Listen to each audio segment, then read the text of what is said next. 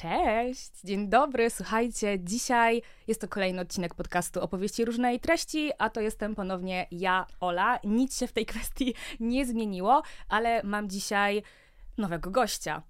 Choć myślę, że ciekawym też byłoby, gdybym miała gościa, który już się pojawił, ale dzisiaj z nowym rokiem, słuchajcie, również i nowi, nowi goście u mnie.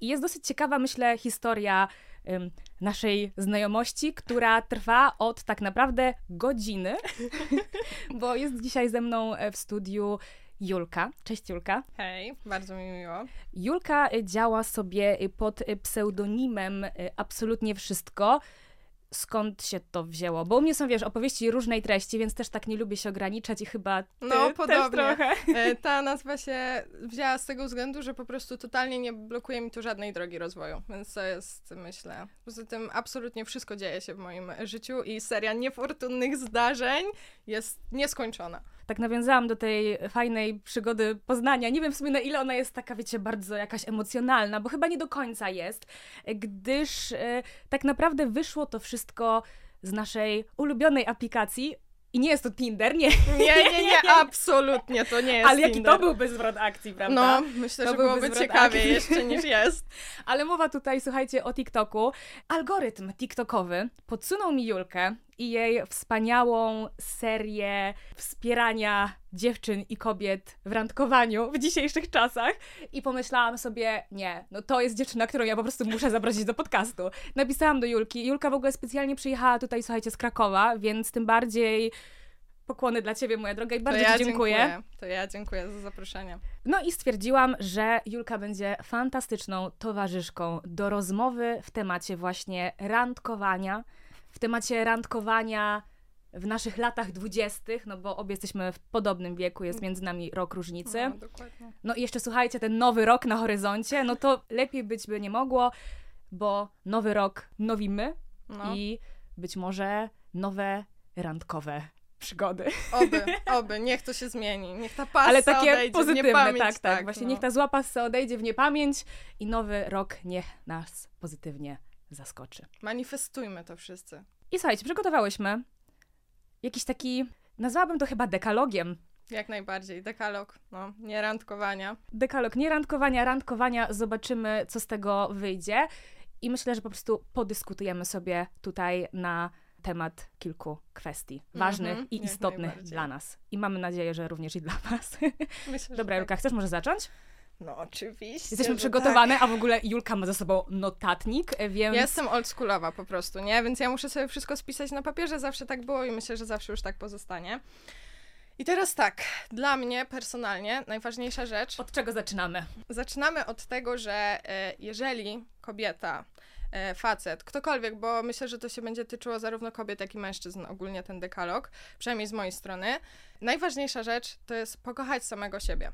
I myślę, że to jest rzecz, z którą większość ludzi ma ogromną trudność, bo ja spotkałam masę osób, czy to kobiet, czy to mężczyzn, i naprawdę widać po nich już tak zewnętrznie, że to poczucie własnej wartości jest na bardzo niskim poziomie.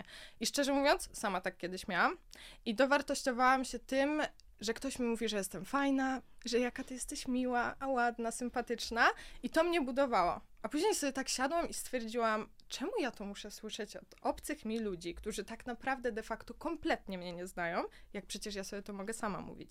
Dlatego też e, wydaje mi się, że jeżeli miłość do samego siebie masz na takich, nie wiem, 10%, to później przychodzi gość, który ci daje 20% i ty sobie myślisz, o mój Boże, księciu, po prostu księciu na białym koniu, no a tak nie jest, nie? I z czasem to po prostu wychodzi, że ty dajesz to 100% w relacji, no bo chcesz tą relację mieć fajną, żeby ona się fajnie rozwijała, żebyście mogli sobie ufać, wspierać się i wspólnie rozwijać, a z tej drugiej strony dalej idzie to 20%.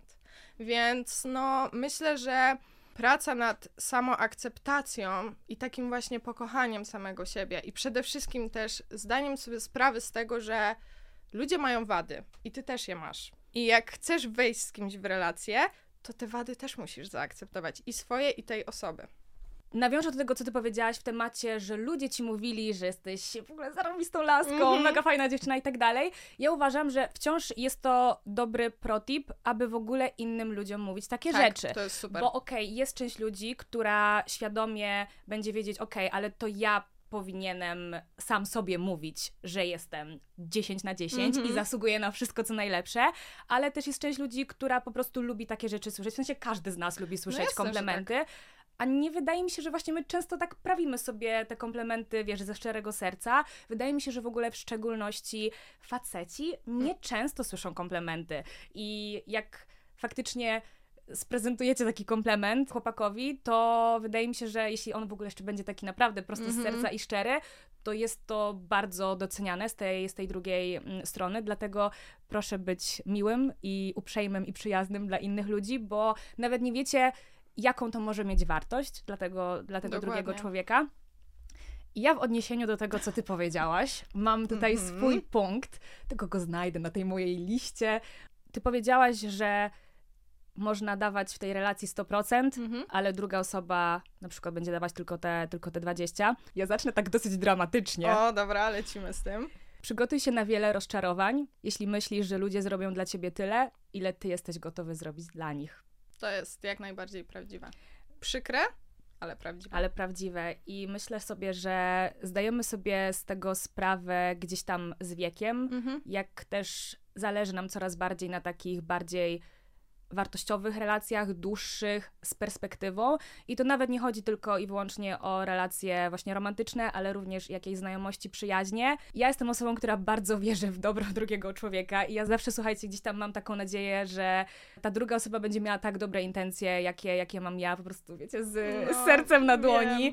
I oczywiście są tacy ludzie i e, życzę sobie i Wam w 2024, żebyśmy więcej takich ludzi na swojej drodze mm, spotykali. No niestety realia też tego życia są takie, że raz na jakiś czas trafi się taka jednostka, której wy po prostu byście tam y, gwiazdkę z nieba chcieli, Mm. a ona wam cegłę w głowę Jak najbardziej tak jest. i e, niestety jest to też taka, wydaje mi się, kwestia, z której no, trzeba sobie świadomie zdawać sprawę, bo nam się wydaje, że jesteśmy na to przygotowani, że jesteśmy świadomi, że ludzie też tacy są, ale jak przychodzi co do czego i zderzamy się z taką relacją, z taką osobą, to jednak gdzieś tam kawałek tego naszego serduszka zostaje, No, wiesz, złamany. ja myślę, że to zawsze boli. Mhm. Nie, szczególnie jak starasz się, jesteś dla tej drugiej osoby. O, właśnie, jesteś dla tej drugiej osoby. Mhm. a ja też mam taki syndrom, że po prostu ogólnie bardzo mało ludzi do siebie tak blisko dopuszczam i też bardzo mało ludzi wie takie inside'owe rzeczy na mój temat, ale jak już kogoś dopuszczę,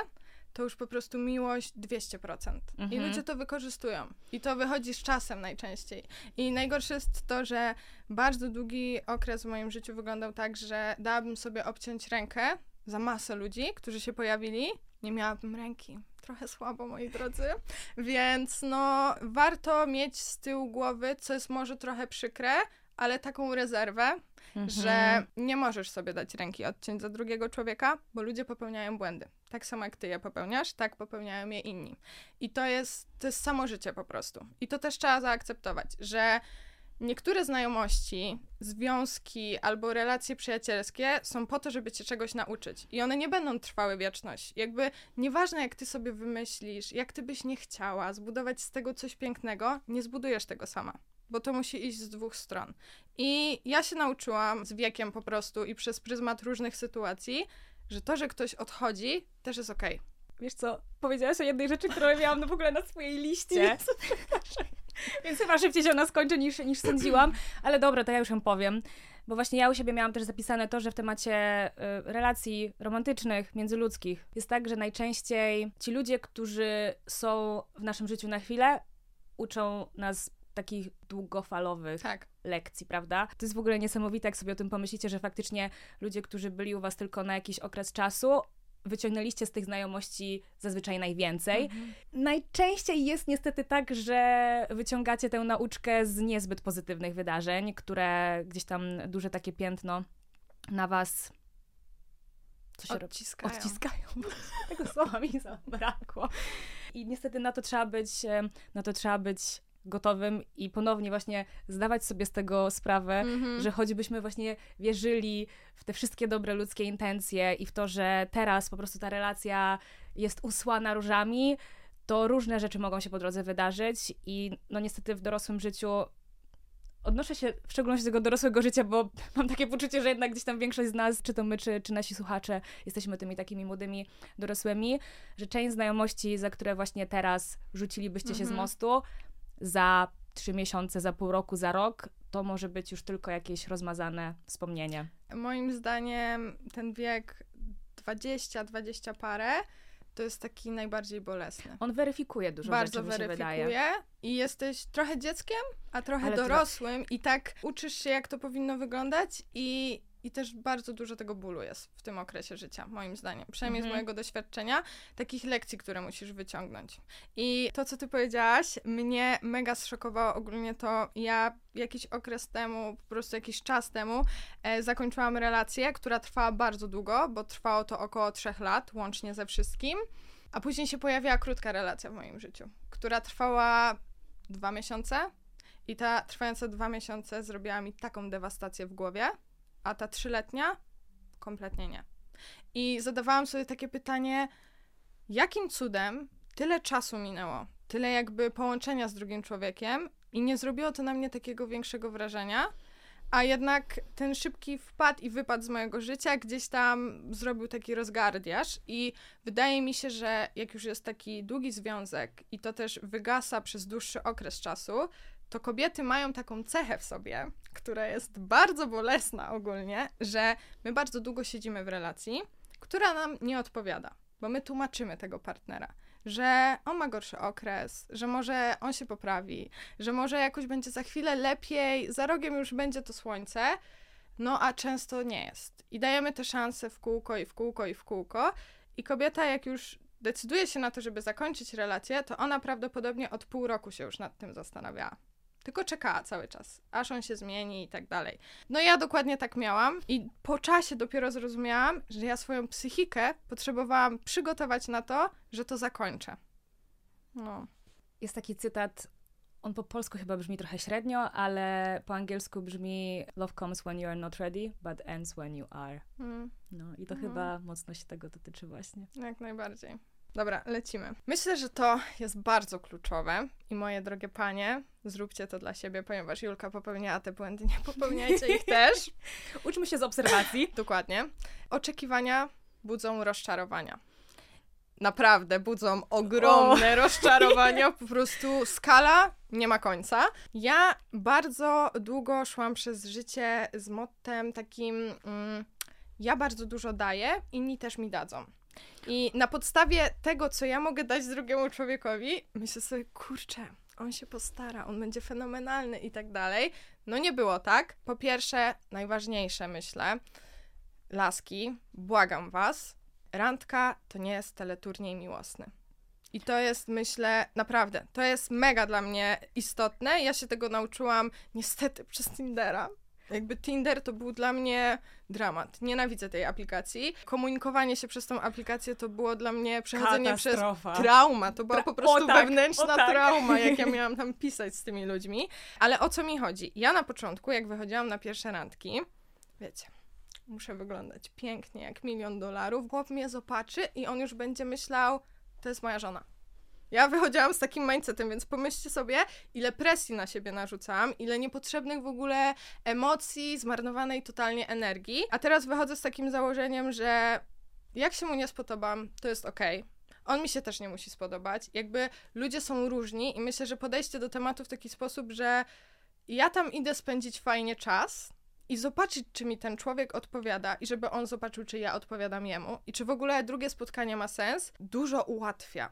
Bo e, niestety takie narzucanie presji też e, powoduje to, że ludzie się mega stresują i tak naprawdę na tej pierwszej randce nie jesteś sobą, bo jesteś e, zestresowany do tego stopnia, że ja na pierwszej w ogóle randce z Tindera to stałam i dzwoniłam do mojej przyjaciółki i mówiłam zwymiotuję za chwilę, przysięgam ci, stoję i po prostu Ty serio masz traumatyczne przeżycia. No, traumatyczne mega. Ja ogólnie mam coś takiego, e, myślę, że to jest jakiegoś rodzaju zaburzenie, że najbardziej mnie stresują takie mega randomowe, takie proste momenty w życiu. W stylu jadę się z kimś spotkać i mnie stresuje ten moment, jak ja wysiadam z taksówki, albo jakby chore, nie? Ale pamiętam, że właśnie stałam wtedy, czekałam na tego delikwenta i on się spóźnił, nie? Nie spóźniajcie się na pierwsze randki, a ja tam stoję. I sobie myślę, no nie, może on nie przyjdzie w ogóle. I już wizja po prostu chorych rzeczy w głowie. Także myślę, że kluczem do takiego po prostu podejścia do tych szczególnie pierwszych randek to jest e, stara wrzuć na luz. A powiedz mi, jak uważasz, jak odróżnić oczekiwania od standardów? Bo ja na swojej liście mam z kolei takie hasło, że wysokie standardy zabezpieczają cię przed doświadczeniami niskiej jakości. Ja myślę, że ogólnie to jest moja święta zasada, którą wprowadziłam bardzo niedawno w swoje życie i myślę, że jest bardzo fajną zasadą. Ja standardy od oczekiwań odróżniam w taki sposób, że może na przykładzie to powiem, to będzie prościej. E, ja na przykład mam listę pięciu standardów i to są standardy, przy których jeżeli ich facet nie spełni, ja go w ogóle nie biorę pod uwagę. Nienegocjowalne. Tak. Jakby to są tak ważne punkty dla mnie, że to jest nie do ruszenia i uważam, że każda kobieta powinna coś takiego mieć i uważam, że każda kobieta te punkty będzie miała różne, bo różne mamy potrzeby po prostu. Więc fajnie, zanim zaczniesz się tam spotykać z kimś albo rozważać w ogóle jakąś relację z innym człowiekiem, siąść sobie, zastanowić się, co ty w ogóle chcesz w tych właśnie punktach mieć. E, natomiast jeżeli chodzi o oczekiwania, to mi tutaj bardziej chodzi o takie coś, że idziesz na randkę i wyobrażasz sobie, że ta randka będzie wyglądać w wyobrażasz dany sposób. sobie. To jest w ogóle chyba tak. też trochę słowo klucz. To mhm. jest, tak, wyobrażasz sobie, to jest definitywnie słowo klucz. Że będzie wyglądać w taki sposób, że gość będzie ubrany tak, że on ci otworzy drzwi, że w ogóle zaśpiewa ci jakiś poemat. Jakby tworzysz sobie wizję, najczęściej jeszcze na podstawie tego, bo dzień wcześniej oglądałaś sobie komedię romantyczną i w sumie fajnie by było, jakby to tak wyglądało. No ale dorosłe życie i ogólnie realne życie tak nie wygląda. Więc czasami, jak sobie narysujesz jakiś tam schemat, jakbyś chciała, żeby to wyglądało, to pomimo tego, że będzie fajnie i on się serio postara, to tobie będzie czegoś brakowało, bo ty już sobie stworzyłaś tą wizję w głowie, no i wydaje mi się, że to jest po prostu kompletnie niepotrzebne totalnie jakby nie myśleć o tym dzień wcześniej. Wiadomo, każdy z nas się stresuje w jakimś stopniu i myśli gdzieś o tym, no bo to jest ekscytujące po prostu, ale takie rozmyślanie, tworzenie takich scenariuszy w głowie moim zdaniem jest bez sensu. I to naprawdę e, niszczy jakość życia i to się nie tyczy tylko i wyłącznie e, jakby spotykania z facetami, tylko ogólnie tworzenie różnego rodzaju scenariuszy w głowie, co może pójść nie tak, albo jak powinno wyglądać moje życie, to nie, to nie jest dobre. To jest overthinking i to jest zaburzenie, moi drodzy. Z tymi oczekiwaniami chyba też jest case taki, że my często nie do końca sobie zdajemy sprawę z tego, czego my faktycznie oczekujemy. Nam się wydaje, że coś będzie fajne, że coś mhm. nam będzie odpowiadać, a później jak się coś już tam, wiecie, wydarzy faktycznie i to niekoniecznie będzie odpowiadać tej naszej jakiejś liście oczekiwań po prostu. Mm -hmm. Chociaż ja list oczekiwań nie robimy. Możemy robić listę standardów, ale oczekiwania Dokładnie tak. idą w zapomnienie, słuchajcie.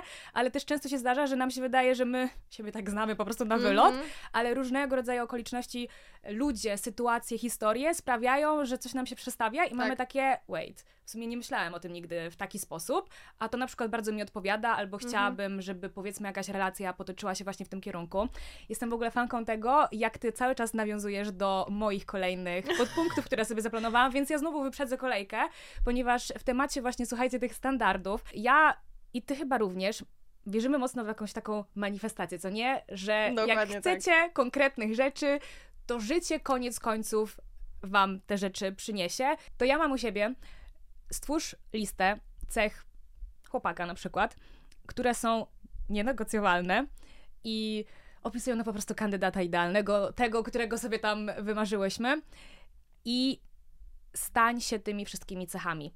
Oj, tak. Nie chodzi o to, słuchajcie, że jak chcecie chłopaka, nie wiem, tancerza, piłkarza albo tenisistę, to że trzeba od razu tańczyć, grać w piłkę nożną czy, czy grać w tenisa, no bo powiedzmy są też takie, że no jakby to, to nie jest tak, że musicie się poświęcać stuprocentowo dla tej, dla tej drugiej osoby, ale ja wychodzę z takiego założenia, że właśnie jeśli chcecie już koniec końców czegoś oczekiwać mm -hmm. tego, od tego partnera i on ma mieć jakieś takie właśnie nienegocjowalne cechy i to są wasze wymagania i wiecie, że bez tego to nic się nie uda, to uważam, że pierwszy krok do tego, żeby w ogóle dostać te cechy w drugiej osobie, jest to, aby samemu zacząć reprezentować te cechy Dokładnie swoją tak. osobą.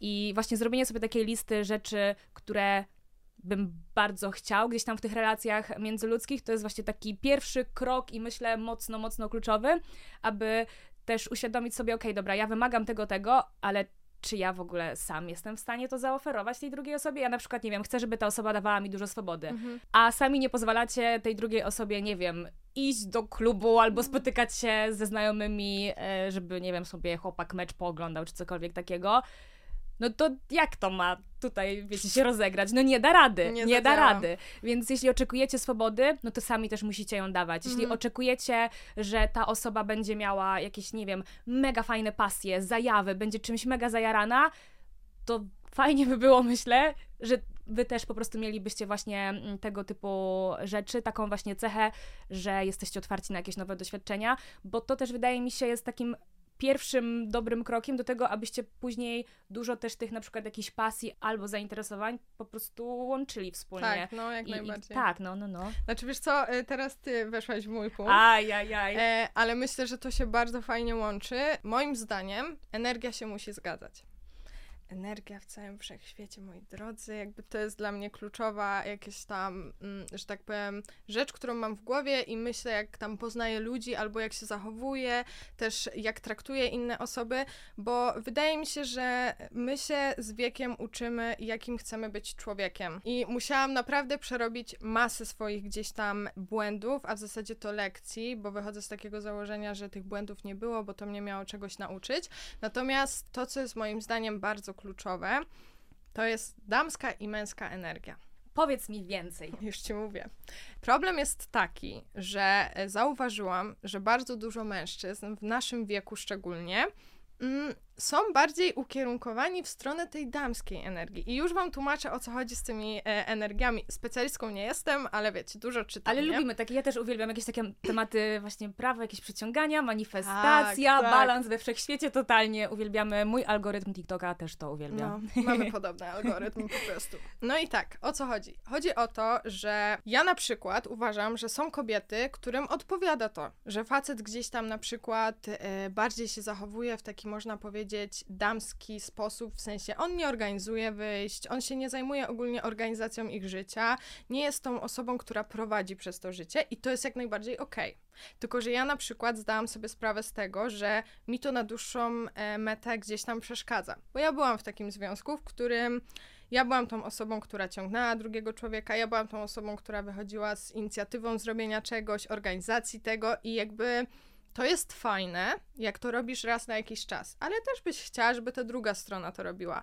I w pewnym momencie ja objęłam taką stronę totalnie męską w związku, a facet totalnie damską. Role się odwróciły. Odwróciły się kompletnie.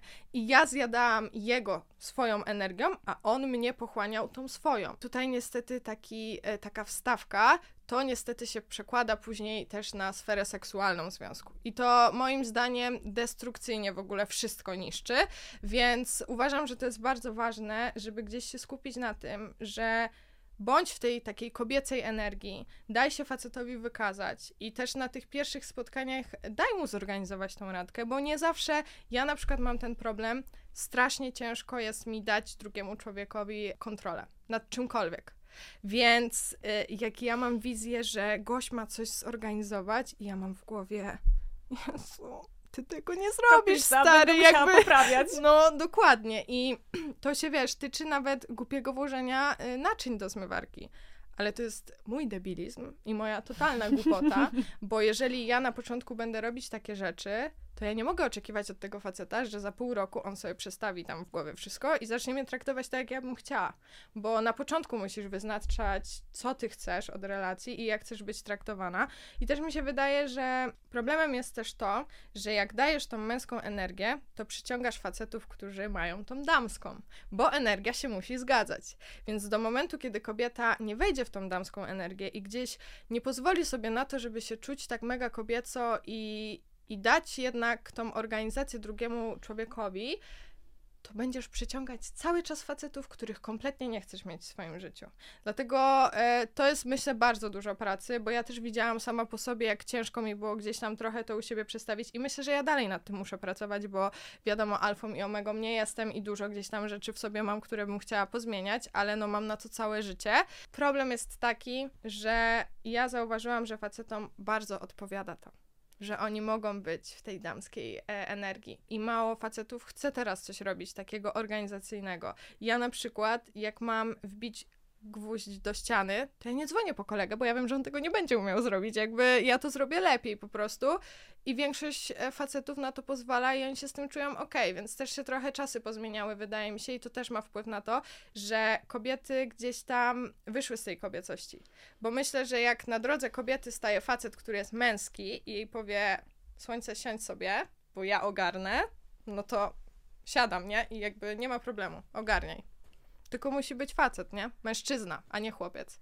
Zastanawiam się, jak znaleźć jakiś taki balans, aby jednocześnie być tą zaradną dziewczyną, mm -hmm. którą chcesz być, ale też być właśnie otwartą na tą bardziej taką męską energię, bo rozmawiałyśmy o tym na kawie, na której byłyśmy przed, e, przed dzisiejszymi e, nagrywkami, że właśnie no, dziewczyny teraz są mocno takie świadome tego, że one chcą dużo robić, mhm. one chcą się rozwijać, jesteśmy bardzo zaradne i tak naprawdę no, ten chłop to nam do niczego nie jest tak potrzebny w praktycznym życiu, no bo gwoździa możesz sobie wbić sama, wkręcić żarówkę, nawet złożyć łóżko bez instrukcja IKEA no, wam daje, więc w ogóle to nie jest, to nie jest żaden problem.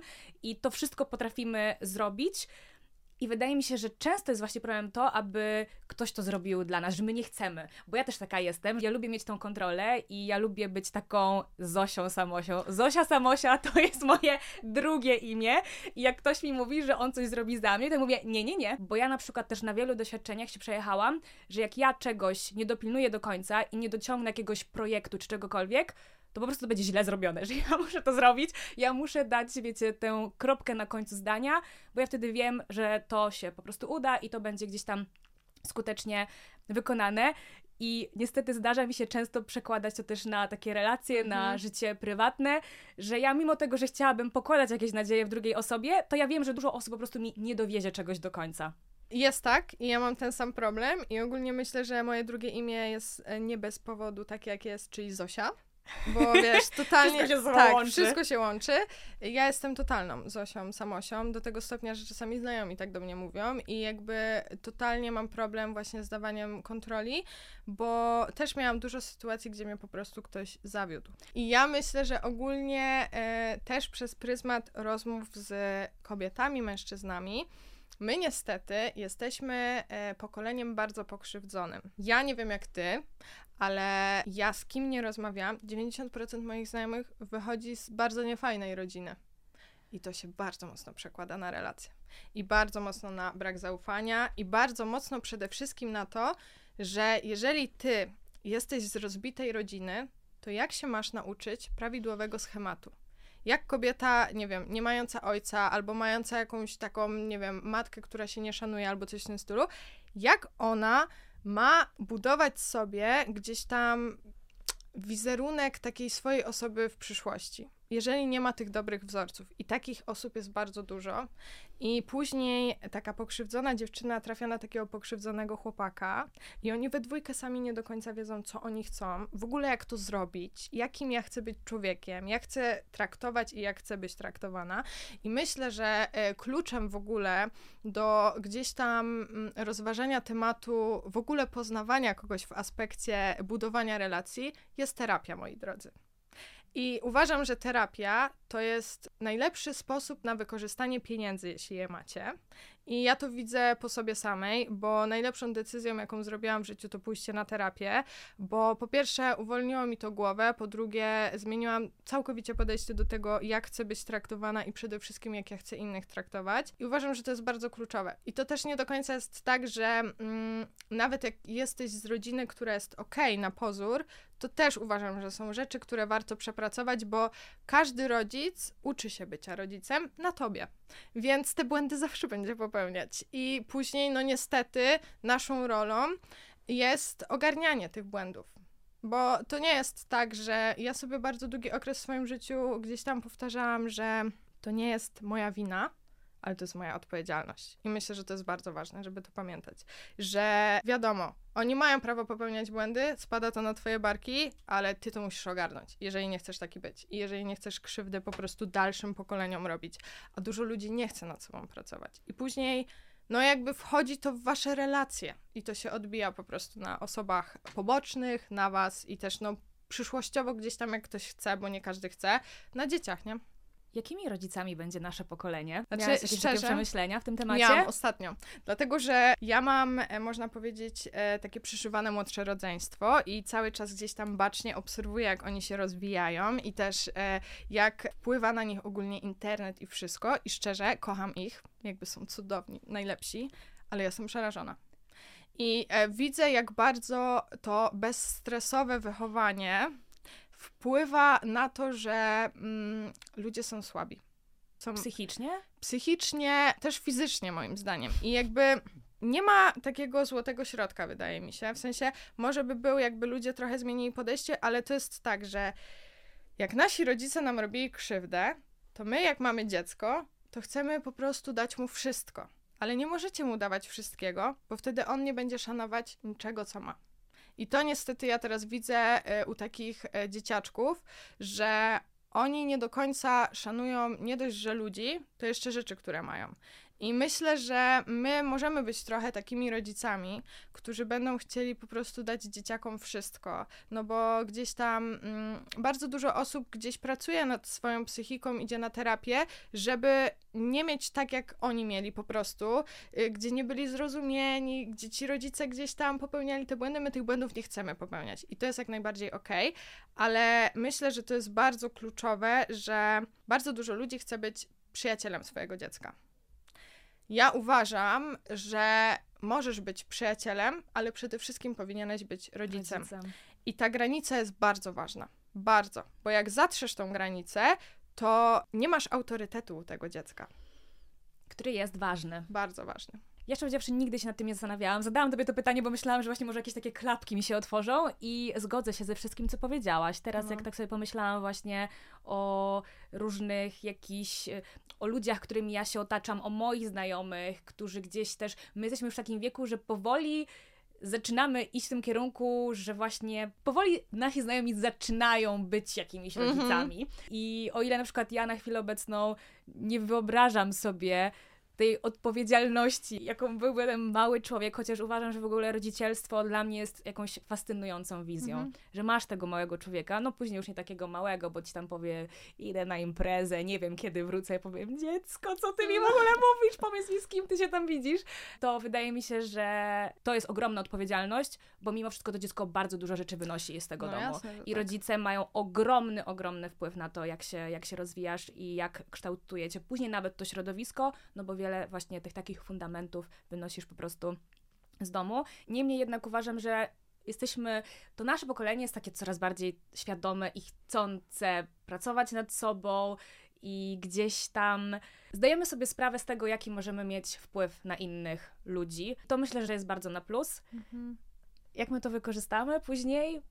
Zobaczymy, bo też jak faktycznie masz e, tą drugą małą jakąś tam jednostkę, która się pojawia na tym świecie, to w praktyce zakładam, że dużo rzeczy później się już nie będzie pokrywać. W sensie wydaje mi się, że wiecie, teoria jedno, Mhm. Praktyka druga. a praktyka, praktyka drugie. I ja w ogóle też jestem ciekawa, wiesz, jak ja będę na przykład swoje potencjalne dziecko kiedyś Mhm. wychowywać, bo jest na pewno dużo rzeczy, które powiedzmy chciałabym zrobić podobnie jak moi rodzice, ale oczywiście jest też cała masa, którą ja zrobiłabym inaczej, mimo tego, że no, gdzieś tam to, w jaki sposób ja zostałam wychowana, pewnych rzeczy mnie nauczyło i ja wyciągnęłam z tego, z tego różne wnioski. Musimy się spotkać za jakieś 15 lat, 20. No i E, obgadać Odcinek temat. 1254. e, Jak nasze pokolenie wychowuje dzieci. I zrobimy sobie, wiesz, taki throwback. Bąbelki będą tutaj w nosidełkach, nie? O, za 25 lat to nie, Nie, wiem, to czy takie bąbelki to już tu no. będą rozmawiać razem z nami. Mamo, zrobiłaś taki błąd, taki błąd. Ja bym nie chciała powtórzyć tego, jak ja będę No. wychować e, swoje dzieci. Zobaczymy, jak to się potoczy.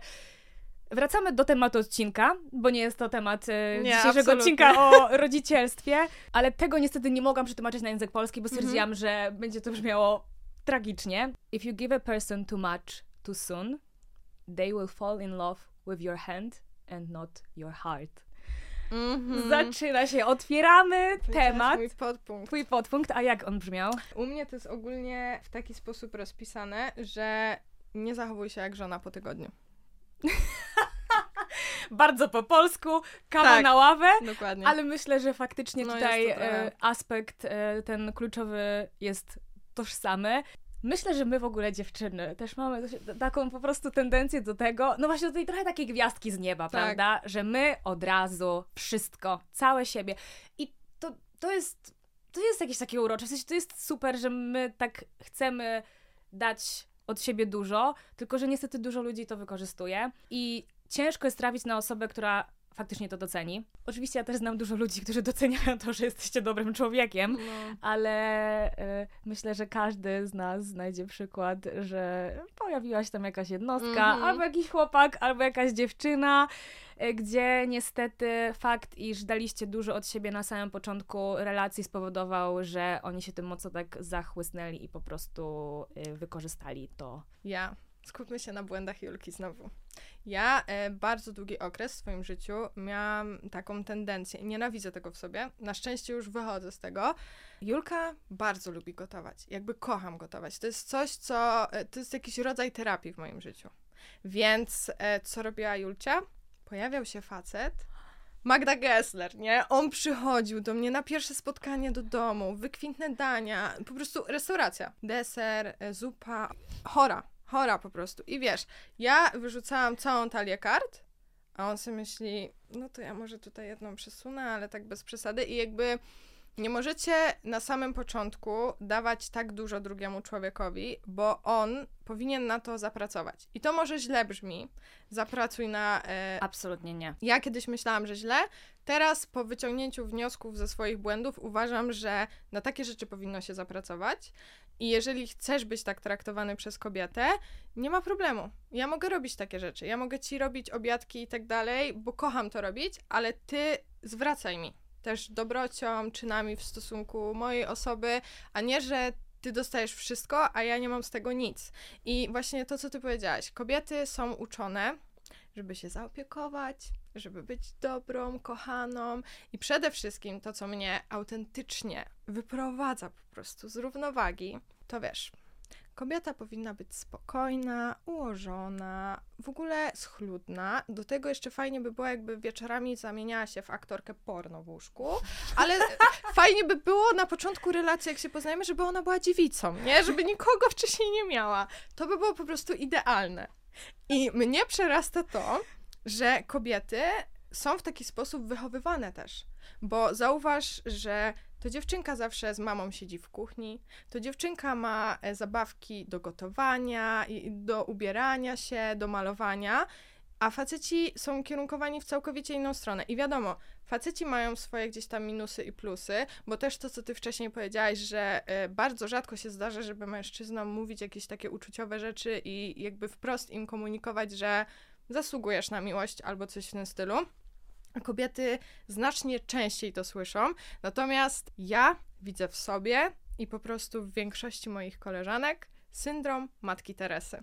Och, to jesteśmy my, oczywiście, Dokładnie tak. tak. Po prostu zaopiekuj się i napraw mu życie. Po prostu napraw mu całe życie, zaplanuj mu to życie i w ogóle najlepiej stara przeżyj za niego to życie.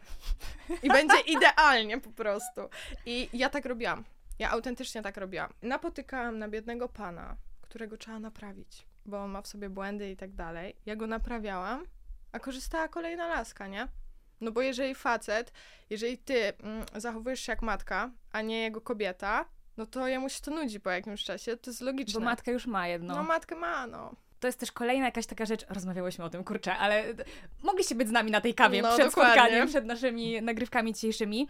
Myślę, że na początku relacji dobrze jest nie wykładać od razu wszystkich kart na stół, bo ta talia szybko się wam skończy, Mhm.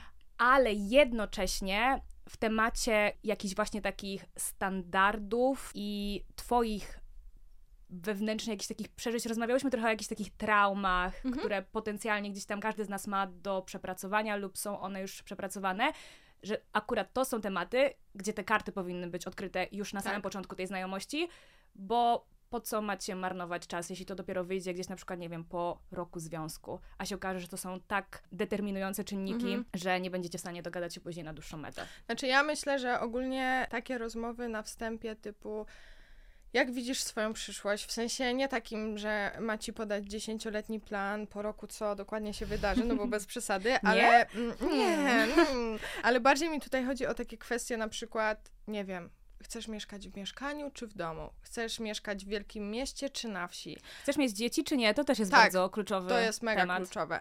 I uważam, że takie rzeczy powinny się odbyć na wstępie, dlatego że jak to się odbędzie po roku, czy tam po pół roku, to ty już w jakimś stopniu zakochujesz się w tej osobie. Jesteś zaangażowany w Jesteś zaangażowany, dajesz energię i jakby zależy ci na tym człowieku. I jak wtedy ktoś ci powie coś takiego, no to to jest moim zdaniem okropne. To są rzeczy, w których nie możesz oczekiwać, że człowiek to zmieni dla ciebie i ja bym też nie chciała, żeby zmieniał, bo też bym takich rzeczy nie chciała dla kogoś zmieniać. Bo to są takie filary, wydaje mi się. Takie fundamentalne tak, wartości, no, które powinny wyjść od razu na początku Tak. każdej relacji, bo one gdzieś tam najszybciej później mogą was No. poróżnić i niestety poróżnią was tak, że z tej relacji będą nici. no niestety. Co jest kolejnego u ciebie? Nie szukaj usprawiedliwień. To jest kolejna rzecz, którą robią kobiety. Ty masz to samo? Myślę, że my tu we dwójkę, jak i 99% naszych słuchaczek, kochamy wymówki, usprawiedliwienia. Dlaczego on nie odpisał, dlaczego się nie pojawił? On jest on jest bardzo, on jest mega zajęty. On w ogóle jest, wiesz, prezydentem, on ogarnia cały świat, Tak. dla ciebie nie ma czasu, także musisz 30 poczekać. sekund na odpisanie. Mm-mm. Dokładnie. Jakby e, mi tutaj też bardzo chodzi o aspekt czegoś takiego, co ja zauważyłam wcześniej w sobie właśnie na etapie spotykania się z e, panami z Tindera, że tak naprawdę, de facto, dziewczyny, to jest bardzo ważne, na pierwszej randce, czy tam na drugiej, na tych początkach, wy już widzicie, co wam nie odpowiada. Oj, I wy to wiecie. my to wiemy, ale nie... Nie dopuszczamy nie tego dopuszczamy do siebie. tego. I Mhm. jakby tłumaczymy to na różne sposoby, że nie, nie, nie, z czasem tak nie będzie. Jakby e, on trochę zmieni podejście, on w ogóle siebie trochę zmieni, jakby nie, nie ja muszę dać mu takie 2-3 tygodnie. Stara, jak na początku cię coś irytuje, będzie jeszcze gorzej. Będzie tylko gorzej. E, Mhm. I jeżeli, ja też zauważyłam taką jedną rzecz, jeżeli cię irytuje, nie wiem, jak ktoś je, jak ktoś mówi, jak ktoś się, to nie jest ta osoba. Bo takie rzeczy cię nie powinny irytować. I niestety e, wchodzenie w relację, która na wstępie już e, nie satysfakcjonuje cię, jest marnowaniem czasu. Swojego i czasu drugiego człowieka. I to też wydaje mi się, że jest ważne, żeby kobiety miały świadomość tego, że wy macie prawo powiedzieć nie. I nie to jest całe zdanie, nie kropka. Nie musicie tłumaczyć, dlaczego nie. Po prostu to jest całe zdanie. A e, mam wrażenie, że za każdym razem, jak ja mówiłam komuś nie, to on mi kazał to tłumaczyć. A nie muszę tego robić. Ja też się sama na tym łapię, że od razu mam w głowie takie, okej, nie, ale dlaczego? A po co ja mam komuś to No. tłumaczyć, skoro to jest po prostu moja, moja decyzja, prawda? Dokładnie. Jeśli się zastanawiasz, czy odezwać się do swojego ex albo do typa, który cię olał, zadaj sobie pytanie, czy poradziłabyś zrobienie tego swojej przyjaciółce. Ja myślę, że ja cię tutaj zaskoczę. I to bardzo. No ja już chyba wiem, jak odbiję piłeczkę, ale Tak? mów, no. Znaczy, ja ogólnie wychodzę z takiego założenia, które zauważyłam, że bardzo dużo ludzi odrzuca totalnie. Ja przez pryzmat tego, jak by, jaka byłam kiedyś, ja widzę, jaką ja zmianę przeszłam. Więc wychodzę z założenia, że ludzie się potrafią zmienić. Nie całkowicie. Są, wiadomo, fundamenty takie, które się nie zmienią i dla mnie to jest w ogóle nie do ruszenia, nie mamy o czym rozmawiać. Natomiast takie powierzchowne rzeczy, typu na przykład, ja trochę wcześniej w to nie wierzyłam, a teraz mi się trochę zmieniło, że mm, odpowiednia osoba w nieodpowiednim czasie. I chodzi mi o to, że wiadomo, nie te fundamenty, bo to jest ważne, jeżeli ktoś takie fundamenty, które, te standardy, o których wcześniej rozmawialiśmy, te pięć, jeżeli one są różne, to ja bym w ogóle nie brała tego pod uwagę. Natomiast jeżeli to są jakieś takie drobnostki w stylu, nie wiem, ktoś jest na etapie rozwoju i nie jest w stanie ci poświęcić tego czasu, który ty potrzebujesz, ale jak już się rozwinie, to gdzieś tam do ciebie wraca i mówi: Ogarnąłem sobie życie, rozwinąłem się, ogarnąłem, ale cały czas bym chciał coś od ciebie i zbudować coś z tobą. To w takim momencie ja jestem w stanie dać szansę. Natomiast e, takie rozgrzebywanie tematu ex, no nie do końca. Ja popełniłam ten błąd i strasznie się to odbiło na mojej psychice, że był jeden ex w moim życiu, który pojawił się na początku liceum i później na początku moich studiów. I dałam szansę. I skończyło się to tym, że no niestety bardzo cierpiałam. Pierwszy raz w życiu mogę stwierdzić, że po rozstaniu z kimś tak bardzo cierpiałam, że totalnie nie ogarniałam siebie. Musieli mnie ludzie ogarniać. Więc e, przy takim aspekcie, gdzie ktoś już zrobił krzywdę, to raczej ją zrobi drugi raz po prostu. To Mhm. raczej tutaj bym się nie uginała. Ale jeżeli to są jakieś takie małe rzeczy, małe aspekty, no to no jestem w stanie tą szansę dać, ale z dużą rezerwą i patrzenia tak z boku, żeby mi ta osoba czynami, a nie słowami pokazała, że serio, jakby teraz jestem ogarnięty i gdzieś tam mogę coś zrobić. Ale to jest bardzo taki grząski temat, moim zdaniem. I to jest bardzo personalne. I to jest stricte bardzo indywidualne, podchodząc do danych relacji. Więc ciężko jest tak jakby do ogółu to powiedzieć, nie? Mhm. Wiesz, jak ja chciałam odbić piłeczkę? Poszłaś trochę w innym kierunku, natomiast y, ja na końcu w ogóle swojej listy napisałam y, sobie, że koniec końców uważam, że cały ten świat randkowania i spotykania nowych ludzi, to wy przede wszystkim powinniście mieć tam fan.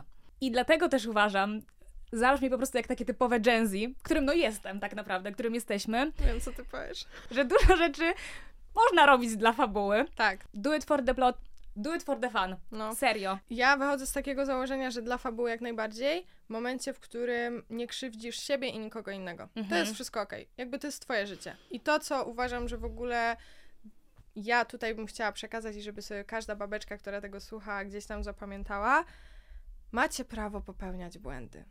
Żyjecie raz. I e, nawet jak się odezwie do ciebie ex albo jakiś gość, widzisz, że jakby no nie ma to przyszłości, ale jednak chcesz w to iść, to masz prawo. To cię czegoś po prostu nauczy. I nie oceniajcie się jakoś mega na zasadzie też, że mam dane zasady, muszę się ich trzymać, bo jak się ich nie będę trzymać, to nie jestem wartościową osobą, kim ja jestem, hipokrytką.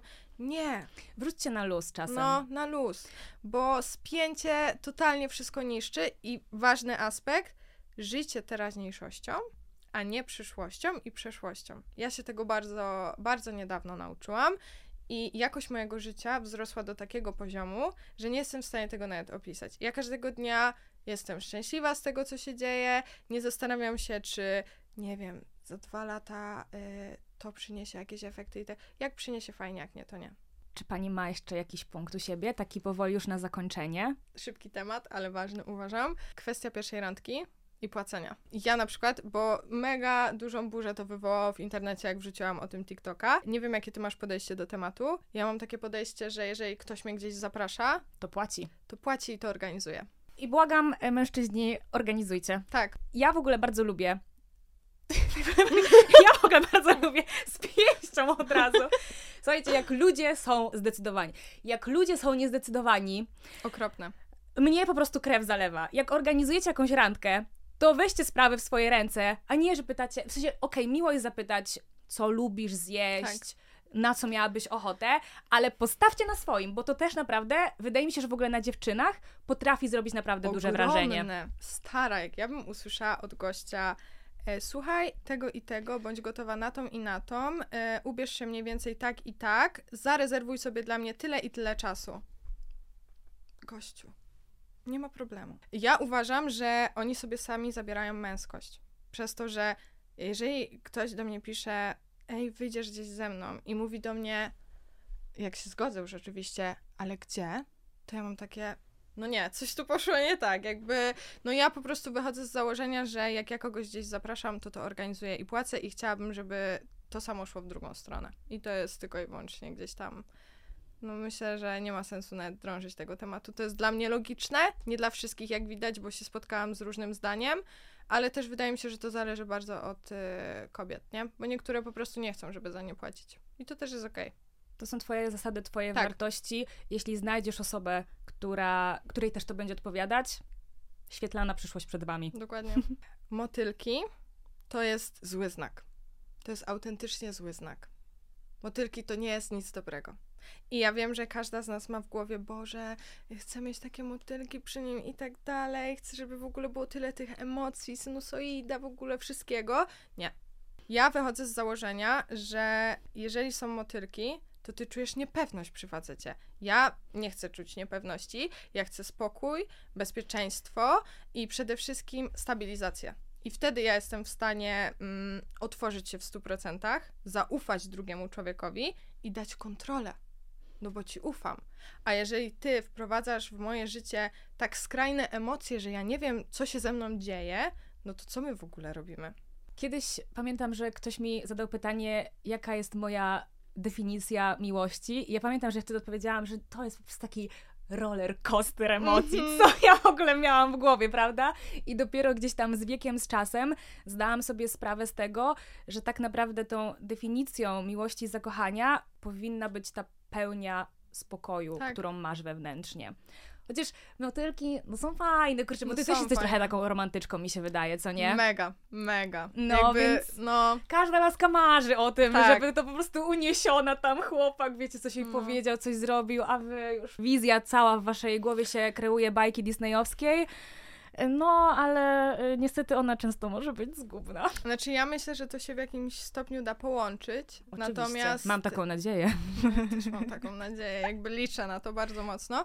Natomiast jeżeli przez dłuższy okres, bo wiadomo, te motylki, jak kogoś na początku poznajesz, gdzieś tam jest ta ekscytacja, pojawiają, się, oczywiście, że tak. ale jeżeli z czasem to się nie wycisza i jakby nie ma tego spokoju, nie ma tej nudy takiej, bo jakby ustalmy, przynajmniej dla mnie, nuda w związku na jakimś etapie jest normalna i ona powinna być. Wiadomo, nie taka skrajność, że nic nie robicie, nie rozwijacie się i tak dalej, ale dla mnie takim pięknem relacji jest to, jak wracasz z partnerem na mieszkanie i wy po prostu potraficie razem nie robić nic.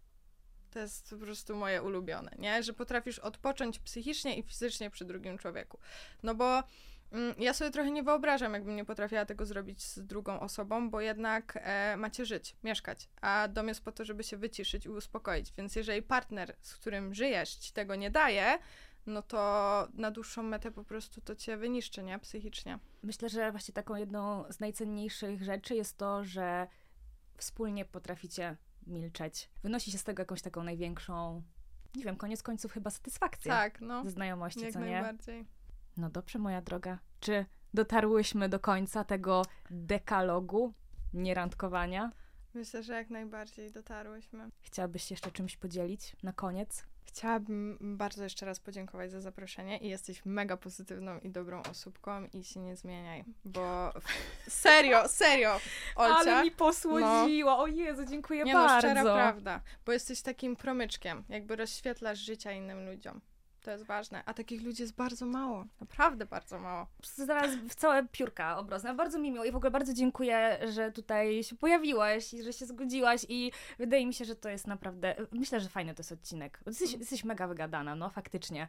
No I jadaczka się nie potrafisz zamyka. też przekazać wartość w prostych słowach, takich bardzo przyswajalnych dla, Mhm. dla drugiego człowieka.